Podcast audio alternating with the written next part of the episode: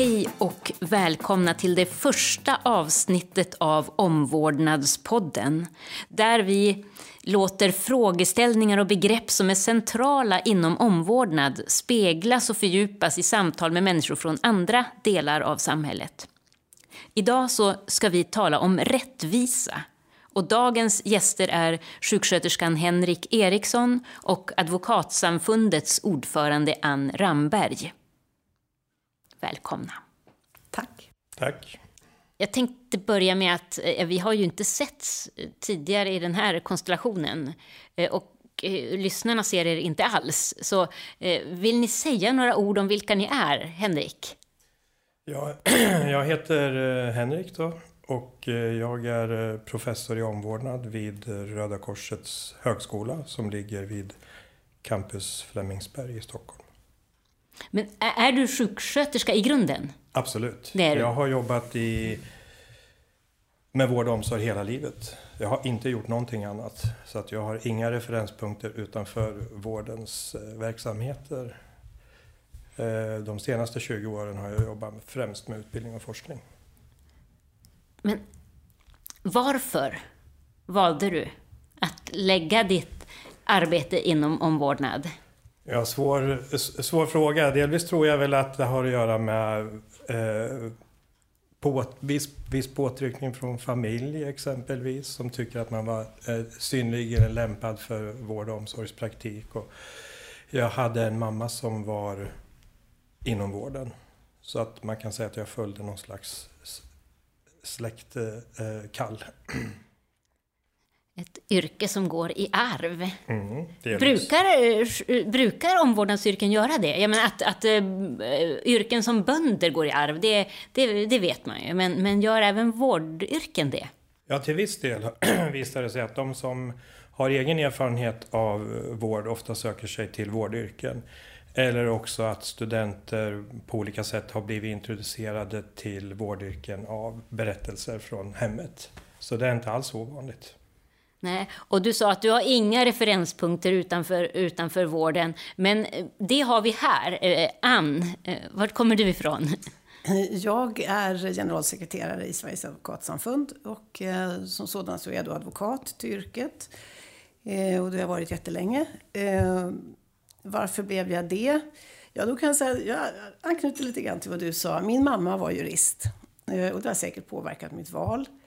Men eh, jag tror att det mer hade kanske att göra med att jag var väldigt intresserad av eh, samhällsfrågor och att ehm, lite rättvisefrågor sådär, att man stod upp för de svaga i samhället. Och, ehm, så det var en, en bidragande orsak till att jag valde advokatyrket. Ja, stå upp för de eh, svaga i samhället. Det finns, eh, och det är ju liksom inte... Det är en mycket medveten casting i alla de här programmen. Eh, och, och just eftersom att dagens tema är rättvisa så tyckte jag det var, skulle vara så spännande att just ha eh, dig med, Ann, här. För att liksom föra in juridikens syn på rättvisa med den synen som, eh, som man kanske har i, i, inom omvårdnad. Och jag tänkte börja med be dig, Henrik. Alltså, om jag säger ordet rättvisa, hur skulle du definiera det? Vad betyder det för dig? Ja, det är ju alltså ett eh, begrepp som är starkt knutet till den mänskliga existensen. Som skär genom alla verksamheter och som man på olika sätt förhåller sig till dagligen, kan jag tänka mig. Så att det finns ju inget, i alla fall eh, något enkelt sätt att definiera rättvisa i en mening eller ett ord eller någonting. Utan det är ju knutet på, på olika sätt till de stora samhällsfrågorna om hur vi vill forma ett samhälle. Och de politiska idéer som finns är allt från de liberala idéerna till de kommunistiska idéerna som ofta är knutet till någon slags kamp för rättvisa. Ja, det är så intressant för när man börjar bena i det. När jag, var, eh, när jag växte upp så hade vi så var verkligen rättvisa. Det var, vi hade några grannar och de, deras barn de, deras föräldrar delade glassen med linjal så att de skulle få på millimetern lika mycket glass. Eh, så. Och för mig var det, var det där under jättemånga år någon slags sinnebild för rätt... Alltså den där, Sen insåg jag att det är inte alls säkert att det där är rättvisa. Eh, om han är mer hungrig eller hon inte gillar... Alltså, är, vad är rättvisa? Hur skulle du definiera rättvisan? Ja, alltså det är ju som sagt, det finns ju ingen, eh, det finns ju ingen definition egentligen på rättvisa. Och jag tror det beror lite grann på vad man har för glasögon på sig. Om man är mm, politiker eller om man är jurist eller um, inom sjukvården till exempel. Men om jag skulle försöka göra det så är det nog för mig... Eh, alltså det handlar om lika behandling. Det handlar om eh, utgångspunkten i att alla människor ska ha samma förutsättningar. Alltså eh, att vi är lika inför lagen, att vi är ett, ett samhälle som är diskriminerande till exempel, eller ett samhälle som är rasistiskt. Eller kastsamhället, det, kan inte, det är ju inte ett rättvist samhälle för mig. Eh, adens privilegier var väl inte ett rättvist samhälle med fideikommissen till exempel. Det, det är lite mer materiellt. Jag tycker kanske att rättvisebegrepp i första hand inte är materiellt. Jag tänkte på det när du sa det med linjalen och glassen. För att det har, eh, I min värld är det nog mer knutet till eh, individen, till, till människan. Alltså de rättigheter som är knutna till, till just individen, fri och rättigheter och sånt, det kan man liksom aldrig ta ifrån en människa. Eh, de är och ska vara universella och de ska gälla alla.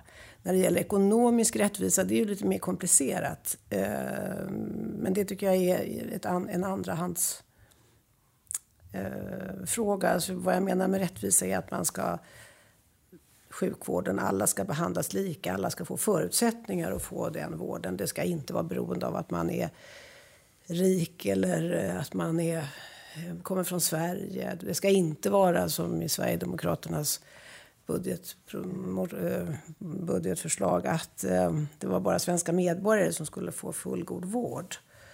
Eh, och de som inte var svenska medborgare de skulle bara få liksom grundläggande vård. Och de andra papperslösa de skulle egentligen bara få akutvård. Det är ett utmärkt exempel tycker jag på eh, hur det inte ska vara i ett rättvist samhälle. Ja, men det där är ju väldigt Eh, väldigt spännande. Dels det här att det är så väldigt många som använder ordet rättvisa och det kan betyda så väldigt olika saker. Det gör ju feltolkningarna. Eh, för jag menar, eh, Sverigedemokraterna pratar ju om sitt partiprogram som rättvisa eftersom att svenska medborgare är de som vi ska arbeta för här, anser de då. Så att det där blir ju...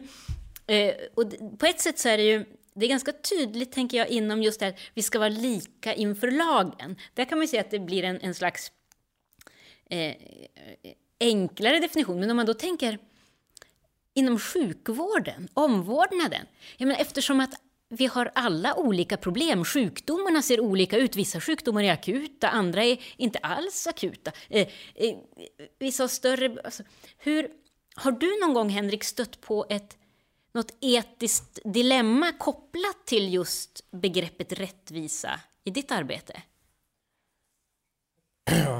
Först vill jag säga att eh, omvårdnad i sig är den yttersta formen av rättvisa från mitt perspektiv som jobbar och försöker tänka kring omvårdnad och även lära ut eftersom oavsett förutsättningar eller vilka olika eh, sjukdomsmönster som man drabbas av så kan vi alltid ge omvårdnad. Så på så sätt är omvårdnad en rättvisehandling i sig själv som princip. Mer omvårdnad i hälso och sjukvården, mer resurser till omvårdnad skulle också utjämna väldigt många eh, stora orättvisor som finns. För i hälso och sjukvårdslagen stipuleras det att alltså eh, vård eh, eh, ska ges till alla, alla människors lika värde och med personens värdighet eh, bevarad. Och sen ska vården också ges utefter behov. Och det innebär eh, i sig att eftersom hälsan är ojämnt fördelad så måste också vården fördelas ojämnt. Så att eh, vården kan inte ges rättvist, utan den måste ges till den som behöver den mest. Och det här är ett etiskt problem som man stöter på i vardagen i sjukvården. Därför att många av dem som har utbildningen att hantera många orättvisefrågor som, som handlar om hur man bevarar hälsa för individer, hur man eh, skapar frisk resurser där det finns sjukdom, det vill säga många som sjuksköterskor och undersköterskor. De ges också minst resurser i, i positioner och i ledande poster att försöka genomföra den här eh, vården som ska bedrivas. Den bedrivs i väldigt eh, gamla liksom, paternalistiska och patriarkala strukturer som har svårt att förändra sig. Nu var ju svaret väldigt långt. Men... Eh, Nej, men egentligen det du säger är att för att vården, omvårdnaden ska kunna vara rättvis så måste den vara orättvis. Alltså vården... Eller ojämlik. Eller alltså, Vård... den kan inte vara lika för alla. Den kan inte vara lika för alla. Vården ska ges till den som har störst behov av dess resurser. Så det är, det är lagens intentioner. Den som har störst behov av vård ska också ges mest vård. Eller är först. det ett enkelt åtagande att uppfylla? Eh, uppenbarligen inte eftersom dagens intentioner och den praktiska verkligheten inte eh, ser ut att riktigt överensstämma. Vi vet att de som har sämre utbildning söker vård senare. Vi vet att den geografiska fördelningen ser eh, olika ut och vi vet också att vården har svårt att kulturellt anpassa sig till de som behöver eh, den mest. Vad tänker du om det, Ann? Att vi har en lag som ändå säger att eh, Ja, men det är lätt och, väldigt lätt att hålla med allt ja. som sa. Jag kan inte opponera mig mot det. Men jag tror att man kan dra parallellen då, om jag ska göra det, till den eh, verklighet, till rättsväsendet så att säga. Där kan man säga, där är det ju samma sak. Där har man ju höga ambitioner att alla människor ska ha tillgång till rättvisa. Men i realiteten är det ju inte så att människor har det, utan det är ju faktiskt bara de som är eh, Eh, förmögna nog att kunna finansiera så att säga, hjälp som kan få rättvisa i, i vanlig mening. Väldigt stora delar av eh, Sveriges befolkning har inte tillgång till rättvisa på det sättet. Jag menar, vi lever i ett eh, mycket bra land i många hänseenden och eh, alla människor som blir misstänkta för brott får till exempel, i vart fall nästan alla, lite beroende på hur allvarligt brottet är. Men som huvudregel så får man en offentlig försvarare och folk som eh, kommer hit, de har rätt till ett biträde och ska söka asyl och så vidare. I den meningen, det är ju väldigt bra. Men om man vill få sin sak prövad, man är arg på grannen eller man har en annan konflikt som man vill eh, få löst och det är ju domstolarnas uppgift att göra det. Då, då är det faktiskt väldigt få personer som egentligen har råd att driva de processerna. Det är få personer som har råd att eh, driva en process mot Skattemyndigheten till exempel. Ehm, och, och, där kan man ju säga att en, det kanske inte har så mycket med rättvisa att göra. Jo, men det har det. En rättsstat ehm, kännetecknas ju av att människor åtnjuter skydd mot statens maktutövning. Ehm, och för att kunna göra det så uppställer man, då har vi ju en massa principer som ska liksom utgöra ramverket för vår lagstiftning. Och, och det är ju ehm, legalitetsprincipen, att det måste stå fastskrivet i lag till exempel. Just att det ska bli rättvist. Man kan inte döma folk till, till, till brott som inte är föreskrivet i lag och så vidare. Alla ska, det ska inte vara, finnas utrymme för godtycke, förenklat uttryckt. Eh, utan, eh, och det ska vara förutsägbart. Eh, och det bygger ju på ett rättvisetänkande. Eh, och det, finns ju, det följer ju av allt ifrån ehm, ehm, eh, FNs eh, konvention och 48 som nu precis fyller år i år kan man säga. Och vår egen grundlag till exempel. Och en rad andra konventioner också. Och det utgår ju från människans lika värde och från det här rättvisetänkandet.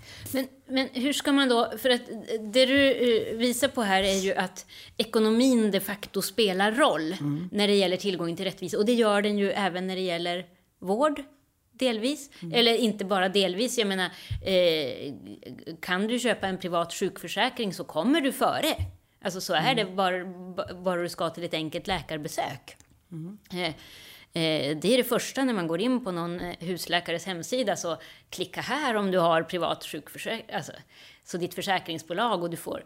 Eh, och en del pratar ju om detta som rättvisa. Alltså har du tjänat så mycket pengar så att du, och väljer att lägga dem på de här så har du rätt att eh, eh, lägga dina pengar på, att, eh, på din hälsa. Eller du har rätt, jag menar, har du så mycket pengar att du kan köpa dig den absolut dyraste behandlingen för en svår cancersjukdom, eh, så har du rätt att göra det. Alltså hur ska man förhålla sig till, till det? Vad tänker du Henrik?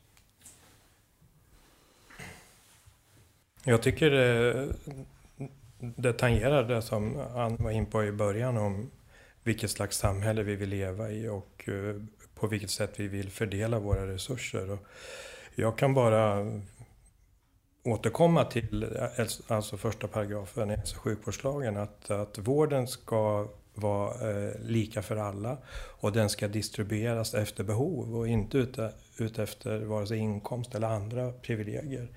Så att på det sättet så kan det ju tyckas vara orättvist i relation till alltså, lagens intentioner. Men det borde, då borde ju vårt nuvarande system vara ett brott mot vår egen lag. Att man kan, alltså, kan man då ens ha rätt att köpa en privat sjukförsäkring inom nuvarande lagstiftning? Tänker jag naivt. Det finns ju en målkonflikt där. Ja, alltså det, det, här är ju jättesvårt, eh, tycker jag. Ehm, här, många gånger har man diskuterat det här runt middagsbordet. Jag tycker det här är väldigt, väldigt svårt. Men jag tycker inte att det är självklart att det är, är behöv, det skulle inte behöva, det är bäst jag säger så, eh, det skulle inte behöva vara orättvist att vissa personer kan köpa en sjukvårds, eh, sjukvårdsförsäkring under förutsättning att staten kan tillhandahålla så att säga, god sjukvård, rättvis sjukvård så att säga, till de som går till eh, landstinget. Eh, det är inte säkert att det innebär en orätt, att det leder till orättvisa. Det kanske till och med är så att det, det kanske skulle kunna vara så att det leder till en rättvisare resursfördelning på sitt sätt. Eller i varje fall en rättvisare sjukvård, alltså att fler egentligen får tillgång till bra sjukvård. Det skulle kunna vara så. Jag är inte säker på att det är så, men det skulle kunna vara så. Eh, men visst är det så att om man köper sig, alldeles enkelt, ja den som står och köper, har en sjukvårdsförsäkring eh, och går före i cancerkön. Eh, det är ju ett moraliskt dilemma givetvis. Och jag menar, det är ju det där som är så enormt svårt för oss att förstå i Sverige när man när man eh, tänker på den här diskussionen i USA om Obamacare till exempel. Mm. Jag, jag, måste berätta det. Jag träffade för några, två, tre år sedan var det en, eller kanske var mer nu, men det var en amerikan. Han var alldeles uh, välutbildad och, och föreföll alldeles uh, civiliserad.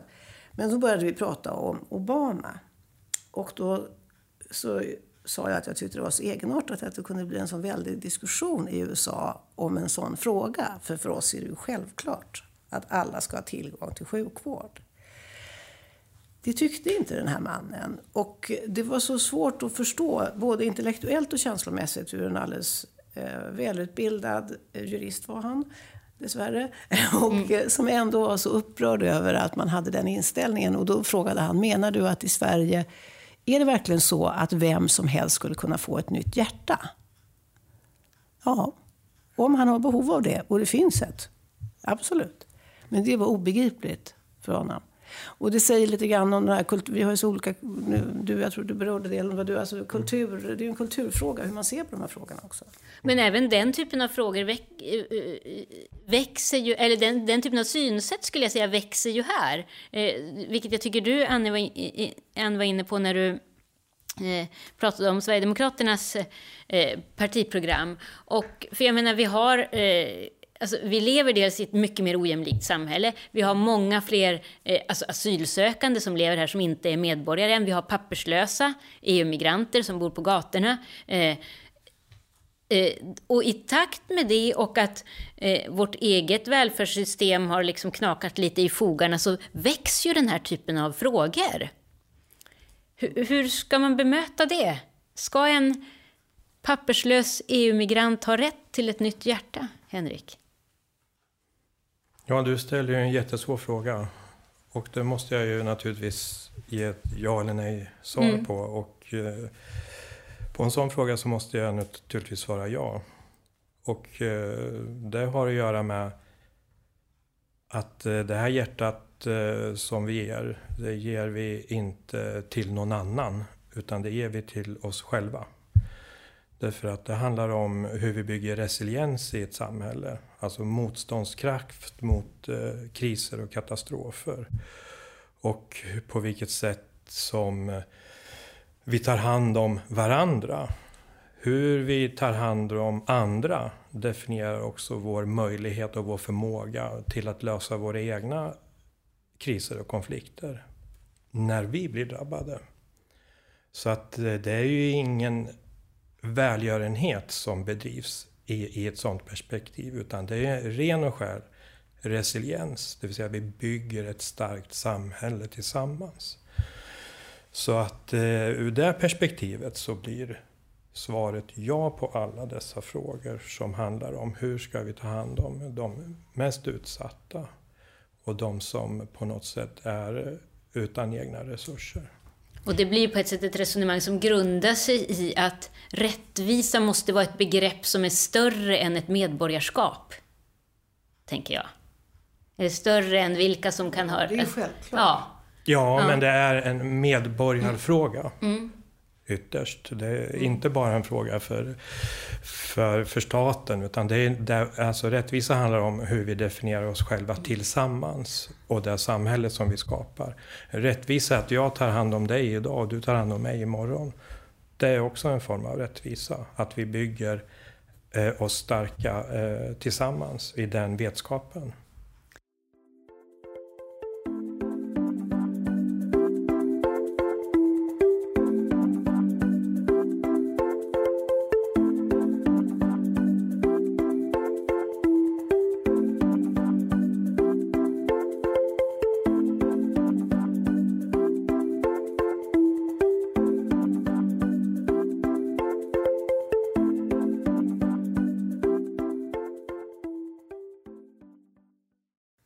Idag så eh, är, skiljer ju... Vi har varit inne på att det här med att hälsa är en klassfråga och att ojämlikheten ökar. Och tittar man på Alltså bara eh, åker man här i Stockholm tunnelbanans röda linje så skiljer medellivslängden väldigt många år mellan ytterkanterna eh, där. Och jag undrar, vem är ansvarig för det egentligen? Jag tänker vi har en lag som säger att det ska vara lika för alla och så, eh, och så ser det ut så här. Eh, någon vill man ju eh, kunna liksom eh, skylla på. Men jag tror det är det bristande, jag ska säga, det bristande samhällskontraktet. Liksom. Att eh, ett samhälle, lagar är ju bra och det utgör själva ramen kan man ju säga för hur vi ska bete oss mot varandra och så. Men eh, lagar är, de, det räcker inte. Man måste ha ett kitt i ett samhälle. Eh, och som, som gör att människor kan känna, identifiera sig med varandra och känna att man hör hemma tillsammans någonstans. Och, och eh, man kan titta i samhällen som är eh, där det råder kris och katastrof och där terrorismen flödar och så här, de kännetecknas just av att man inte har någon tillit. Man har ingen samhörighet med varandra utan man har olika klaner som slåss eller man har... Eh, mm, och, och då, tapp, då blir liksom staten, som i det här fallet då är ansvarig för att tillhandahålla sjukvård och skola och så, svag. Den försvar, en, en, ett samhälle där människorna inte har någon gemensam syn, när man inte har det där kittet det, det, kan ju få förödande konsekvenser. Det har ju historien visat. Eh, och, eh, det, det, så att i någon mån är vi alla eh, skyldiga till det. För det är ett väldigt långt svar på din fråga. Men jag tror att det är så att vi alla, var och en, så att säga, är ansvariga till det, för det där. Vad tänkte du, Henrik? Jag, jag håller med om, om, om de aspekterna. Men sen måste vi också titta på våra, titta på våra institutionella ramverk för, för de här ansvarsfrågorna och hur dessa institutioner styrs. Eh, till exempel inom våra landsting och kommuner. Där eh, man har haft svårt att följa den utveckling som kanske krävs. Utan det har varit mycket fokus på institutionen och kanske inte så mycket på det som Mm, bland annat Svensk sjuksköterskeförening och mycket av forskningen pekar på idag, den personcentrerade vården. Rättvisa innebär också följsamhet mot, eh, mot individen och att sträcka sig ut och, och bry sig om just de, de problemen som den unika människan har. Så där, om vi ska återgå till den privata försäkringen eller den här Kry-appen som idag används till, kan man säga, ingen nytta eftersom kanske många av de som eh, faktiskt är sjuka inte kan använda den. Det de egentligen gör, de slår ju ändå sönder de här strukturerna som får oss alla som jobbar med, med vård att behöva tänka nytt. Så på så sätt är det ju handlingar som tvingar oss att tänka, vi, vi måste jobba på nya sätt, hitta nya modeller och hitta nya lösningar. Ur de perspektiven är ju det nyttigt för verksamheter inom vård eh, att utmanas för att anpassa sig och distribuera och skapa en rättvisare vård som når ut till de medborgarna som bäst behöver den. Och idag har man, menar du, eh, om jag förstår det rätt, på något sätt har inte riktigt sjukvårdens strukturer hängt med i samhällsutvecklingen med Eh, alltså, Kryappen är ju liksom hela digitaliseringen, allt vad den te tekniken möjliggör. Vi har ett eh, mer segregerat samhälle med större klassklyftor, vi har en större eh, invandring, eh, fler papperslösa eh, och vi har kvar till stor del samma system. Så man ligger lite efter, lite som politiken kanske gör på många områden också, tänker jag. Ungefär så, ja. Mm. Mm. Och, och jag tänker ytterligare ett dilemma som ju följ, eller dilemma, det är också en möjlighet. Jag menar med eh, ny forskning, ny teknik så går det ju att hitta liksom eh, lösningar, höll jag på att säga, men bo, botemedel för allt mer komplexa sjukdomar. Och vi lever också allt längre. Eh, och eh, vad ställer, alltså, eh, men, men hur ska man då säkra rättvis vård i ett system som alltid kommer att ha begränsade resurser? Tänker jag. När det finns tillgång till så mycket mer att göra för att förbättra människans hälsa. Förstår du frågan? Eller ni? Mm. Men, nej, men det är väl en möjlighet som det är både, tekniken är ju mm. Teknik, det är ju teknikimperativ idag, så att säga. Allt som är mm. tekniskt möjligt ska man göra. Men tekniken erbjuder ju den krossar ju så att säga väldigt mycket av de strukturer som finns idag och då blir vi ju ängsliga och oroliga för det och det tycker vi inte om spontant reagerar i människan så, för man tycker inte om sådana här väldiga förändringar, för det går ju väldigt fort. Men jag tror att det kan erbjuda, faktiskt bidra till att öka rättvisan istället för motsatsen. Det beror helt på hur man använder sig av den här tekniken och hur man tillämpar den. Mm. Alltså jag kan tänka mig att en kryapp, nu har inte jag, jag har inte mm. just kryappen, men, men eh, man skulle kunna tänka sig att det ändå skulle kunna vara någonting som skulle kunna Eh, i själva verket bidra till att fler personer eh, fick eh, adekvat vård för det som kryappen kan göra så att säga och därigenom lösgöra mm. resurser för andra. Så att mm. man inte behöver springa till doktorn om man har mm. ett skavsår på tån eller något sånt där. Inte vet jag. Men alltså jag tror att man får inte vara så rädd för det heller. Nej, för att på något sätt så kan vi ju aldrig bromsa teknikutvecklingen. Det gäller ju att vi måste göra den, tänker jag, till, alltså, vi, alltså, använda den in i det ni har varit inne på flera gånger, i det samhälle vi vill ha. För att säkra de värden vi vill. Alltså, det är ju lite som hela internet. Nej, alltså, man säger, okej, okay, det här kan både liksom bygga upp demokratin, det kan också rasera demokratin. Fullkomligt. Men är det inte... Alltså, är är det inte så att man väldigt ofta när man diskuterar sjukvård och eh, andra eh, skola och omsorg och allt sånt. Man, man talar väldigt ofta i ekonomiska termer. Man, det är väldigt, och det förstår jag att man måste göra också. Men det är ju få saker idag som är liksom värdebaserat. Så att säga. Man diskuterar väldigt lite. Nu har det kommit att bli det lite inför det här valet beroende på eh, att det har kommit in ett parti i riksdagen som andra inte vill prata med. Men men annars har det ju inte varit så värdebaserade. Utan alla beslut, och det gäller både kommuner och landsting, de är på något sätt väldigt matematiska. Mm. Du viftade här, Henrik. Nej, jag, jag, jag menade att Kryappen är en bra utveckling.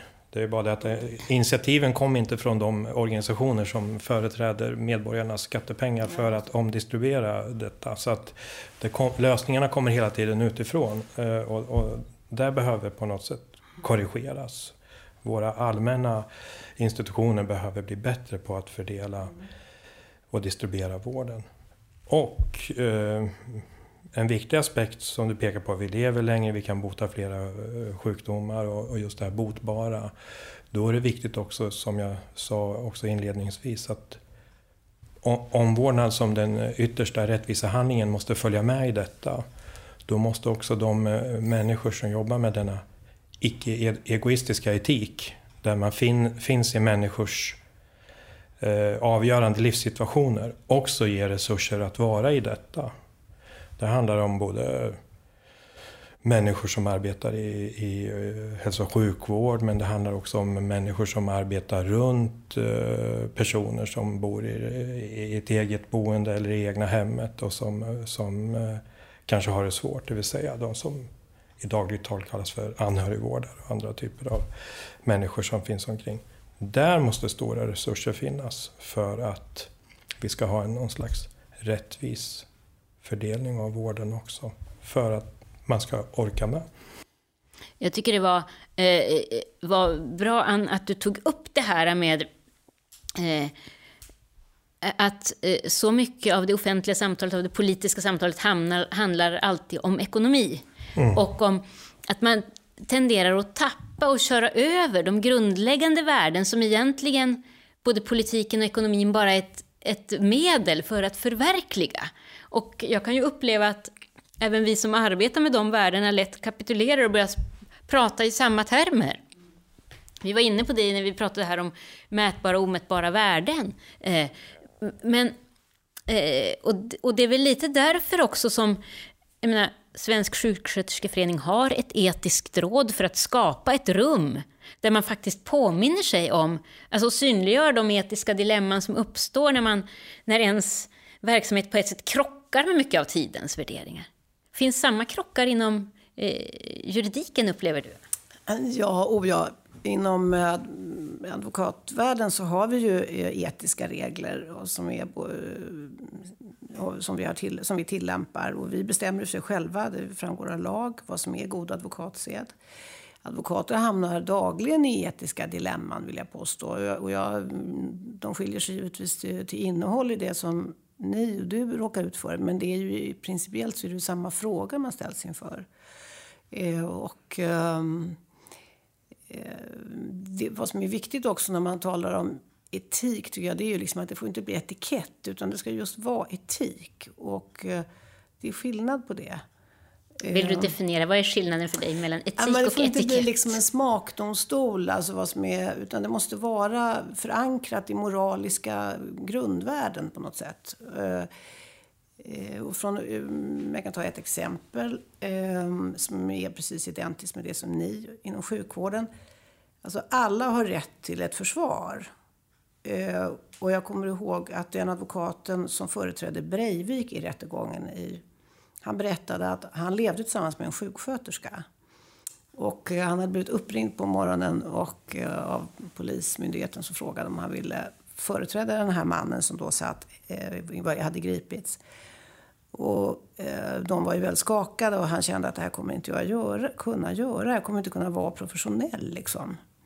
Men då sa hans hustru som var sjuksköterska till honom att jo, det måste du ta. För att alla har rätt till ett försvar. Precis på samma sätt som att man hade varit tvungen att hjälpa Hitler om han hade kommit in till ett sjukhus. Eh, men det är samma liksom etiska, och jag tror eh, att läkare och sjuksköterskor kanske inte blir utsatta för det som advokater ofta blir om de representerar en person som är misstänkt för förskräckliga brott då är det lätt att man blandar ihop rollerna liksom och ser advokaten som att han eller hon företräder brottet och det gör man ju inte. Men man har den etiska förpliktelsen att eh, tillvarata klientens intressen så att säga. Det där är ju verkligen en stor smärtpunkt mm. i vår... Alltså det där är någonting av den största smärtpunkten skulle jag säga, där eh, det är, finns en sån stor oförmåga att skilja just på... Alltså det är som att om jag bara talar med en människa med en inom situationstecken felaktig uppfattning eller som har betett sig brottsligt så är jag själv smittad av det. Och så fördömer man alltså, eh, något som jag själv har råkat ut för otaliga gånger eftersom att jag väljer att tro på samtalet. Mm. Eh, Eh, du har en del att stå i här i regeringsbildningen. Du, det, det, kan man säga just nu så är jag utsatt för ett fullkomligt drev för att jag talade med en nazist på Hornstulls bibliotek för en dryg vecka sedan. Men jag vidhåller att jag föredrar att prata med en människa som hyser nazistiska åsikter på ett bibliotek i Hornstull framför att stå och skrika slagord eller kasta gatsten på torget. Jag tror att vi måste ta samtalen så länge det, det går. Och jag, men det där är ju, eh, samtidigt som jag kan följa förståelse för de som säger, de har ingen rätt att samtala, men, men någonstans där så är jag på den där linjen att du måste ta uppdraget att mm. försvara. Mm. Även, eh, även. Har du något sånt där konkret exempel där du har hamnat i en liknande situation? Eller vet någon annan som har gjort det? Nej, jag tror inte jag har någon konkret situation, men jag känner ju många människor i min närhet som, som eh, har drabbats av att ta konflikter i till exempel eh, Eh, man säger, arbetsorganisationer som är gammalmodiga. Som har personligen fått betala ett väldigt högt pris för att vilja förändra eller åstadkomma bättre möjligheter för människors hälsa eller driva vårdens utveckling åt eh, ett håll som är mer gynnsamt för oss alla. Eh, där organisationerna som sådana kanske mer eh, är till för att bevara privilegierna för, några få, eh, kanske professioner eller personer. Så på så sätt så är det ju också ett samtal som hela tiden måste tas av dessa eh, personer. Det är ofta väldigt driftiga och duktiga kollegor, ofta kvinnor, som driver en utveckling som eh, kanske inte är liksom till Eh, eh, eh, institutionens eller institutionernas bästa, men skulle vara den bästa utvecklingen för oss som medborgare. De betalar ofta ett väldigt högt pris också. Vad skulle du säga till en kollega som inte ansåg att eh, att en papperslös EU-migrant ska ha ett nytt hjärta. När man står där konkret i situationen och säger att Nej, men det ska gå till en annan person. Hur skulle du argumentera? Ja. För att möta en sån eh, människosyn, eller möta en sån syn på vad rättvisa är. För det är ju trots allt ändå eh, en, eh, en, en icke det, det är ju en åsikt som existerar. Absolut, och när vi jobbar i vården så, så finns ju de etiska spörsmålen som ett sätt att hjälpa oss att tänka på vad, vilken etisk konflikt står vi inför i just det här sammanhanget. Och där kan ju då eh, övervägandet vara någonting man kan räkna på rent matematiskt. Det kan ju också vara värdebaserat, men det kan ju också hela tiden, som är väldigt vanligt i omsorgsetiken, att det hela tiden beror på. Eh, finns det inga andra motsättningar än just att man har en uppfattning om att den här personen inte ska få det här hjärtat eller att det bygger på, på rent eh, ekonomiska principer så finns det inga argument för att det här hjärtat inte ska hamna hos den människan. Vare sig i lagstiftning eller i de etiska spörsmålen. Men däremot om du har två personer framför dig och ett hjärta. Mm. Då måste du sätta igång en enorm vet du, etisk eh, kalkyl eh, som baserar sig på många olika etiska teorier för att på något sätt förhålla dig till i vems kropp hjärtat ska hamna. Och den situationen vill man inte vara i. Men ett hjärta, en person. Inga ja, men problem. om det nu är två personer och ett hjärta. Vad är det för kriterier som, som ni skulle gå efter?